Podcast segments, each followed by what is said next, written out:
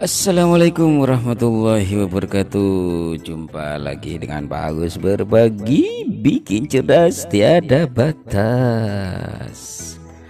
Halo Apa kabar anak sekalian?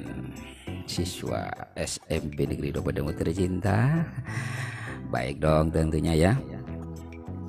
Ah, mari kita mulai dengan ucapan Bismillahirrahmanirrahim.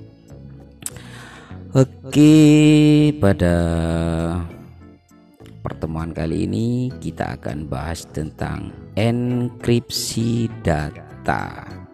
Jadi di bab 2 ini kita akan bahas tentang enskripsi data. Apa itu enskripsi data? Oke. Uh, jaringan komputer saat ini memiliki peranan yang sangat penting dalam kehidupan manusia. Karena setiap layanan yang dilakukan saat ini tidak terlepas dari yang namanya penggunaan jaringan komputer. Seperti layanan pendidikan, perbankan, bisnis, pemerintahan, dan transportasi. Setiap layanan pasti memerlukan keamanan, sehingga pengguna merasakan kenyamanan dan keamanan saat melakukan akses, sehingga muncul kepercayaan dari masyarakat terhadap layanan yang diberikan. Hal yang bernilai penting dari jaringan komputer adalah data. Bahkan dikatakan bahwa data Data adalah komoditas atau barang niaga yang paling bernilai pada abad digital ini. Bidang yang setiap saat menggunakan data digital adalah transaksi bisnis agar dapat menghemat waktu dan biaya. Selain lebih efisien, transaksi menggunakan data digital juga dapat digunakan tanpa batasan waktu dan ruang. Karena nilai data semakin tinggi, keamanan data juga perlu diperhatikan. Salah satu metode mengamankan data disebut dengan enkripsi data. Sekali lagi, metode mengamankan data disebut dengan enkripsi data. Enkripsi data itu merupakan sebuah proses yang dilakukan untuk merubah kode dari kode yang dapat dipahami menjadi sebuah kode yang tidak dapat dipahami atau tidak mudah dibaca oleh orang-orang yang tidak berkepentingan. Bertujuan untuk membatasi akses atau berkaitan dengan sistem keamanan data yang dimiliki. Ilmu enkripsi data sering disebut kriptografi Sekali lagi, kriptografi. Kegiatan enkripsi merupakan proses untuk mengubah plain text menjadi ciphertext. Apa itu plain text? Plain text itu adalah data atau pesan asli yang dikirim. Sedangkan ciphertext adalah data atau pesan yang sudah dilakukan proses enkripsi atau data hasil enkripsi. Enkripsi ini merupakan fungsi dua arah. Saat kita mengenkripsi sesuatu, pastinya akan melakukan deskripsi. Jadi deskripsi ini adalah lawan dari enkripsi Untuk mengenkripsi data, kita menggunakan sandi. Sandi ini disebut juga sebagai algoritma yang didefinisikan dengan baik yang dapat diikuti secara prosedural untuk mengenkripsi dan mendep mendekripsi informasi. Ketika kita melakukan enkripsi atau pengacakan informasi, maka kunci atau sandi yang tepat akan melakukan dekripsi hingga informasi dapat dibaca dan dipahami. Coba sambil lalu kalian lihat di materi halaman 43 ya. Di situ di gambar 2.30 itu adalah ilustrasi proses enkripsi dan deskripsi. Jadi dari plain text dienkripsi jadilah ciphertext baru di dekripsi seperti itu. Sejarah enkripsi memiliki cerita yang panjang dan bertingkat mulai dari sandi yang sederhana sampai yang rumit dan kompleks. Saat ini ada beberapa bentuk enkripsi yang paling umum. Pertama, enkripsi asimetris.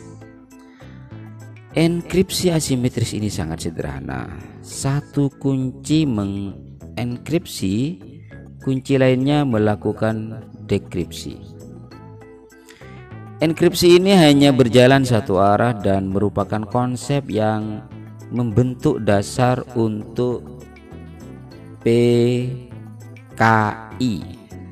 Public Key Infrastructure yang mendasari kepercayaan pada sertifikat SSL Secure Socket Layer. Yang kedua, enkripsi simetris Enkripsi simetris ini lebih ke arah kunci pribadi. Setiap pihak memiliki kunci sendiri yang dapat melakukan enkripsi dan deskripsi. Setelah enkripsi pada SSL (Secure Socket Layer), browser dan server berkomunikasi menggunakan kunci simetris. Enkripsi ini bersifat dua arah lewat komunikasi penerjemahan enkripsi. Baik anak sekalian, sekarang apa sih sebenarnya manfaat enkripsi data? Nah, manfaat enkripsi data. Satu, terjaminnya data yang dikirimkan. Kedua, kerahasiaan dari data. Ketiga, memiliki perlindungan dan integritas data. Yang keempat, menghindari terjadinya penyadapan data. Jadi, enkripsi merupakan suatu upaya untuk mengamankan data yang menjamin data tersebut memiliki kerahasiaan, integritas data, autentikasi dan non repudiasi. Apa maksudnya kerahasiaan itu? Artinya menghindari akses dari orang yang tidak berkepentingan untuk mengambil data yang ada. Karena harus memiliki kunci rahasia atau otorisasi agar dapat membuka serta membaca data tersebut. Integritas data artinya memiliki tujuan bahwa data yang dimiliki terjamin keaslian serta keutuhan data. Karena sistem mampu untuk melakukan deteksi terhadap data yang ada sehingga orang-orang yang tidak berhak tidak melakukan penghapusan atau penyusupan data atau mengganti dengan data lain. Yang ketiga autentikasi itu berkaitan dengan identifikasi dari pengirim dan penerima data. Dan yang terakhir non repudiasi artinya mencegah terjadinya penyangkalan dari pengirim kepada penerima. Nah, sekarang bagaimana penerapan enkripsi pada internet? Penerapan enkripsi pada internet saat ini telah banyak digunakan dengan tujuan untuk menghindari segala bentuk risiko saat kita berselancar menggunakan internet. Artinya, dalam dunia digital diperlukan aspek keamanan dari website.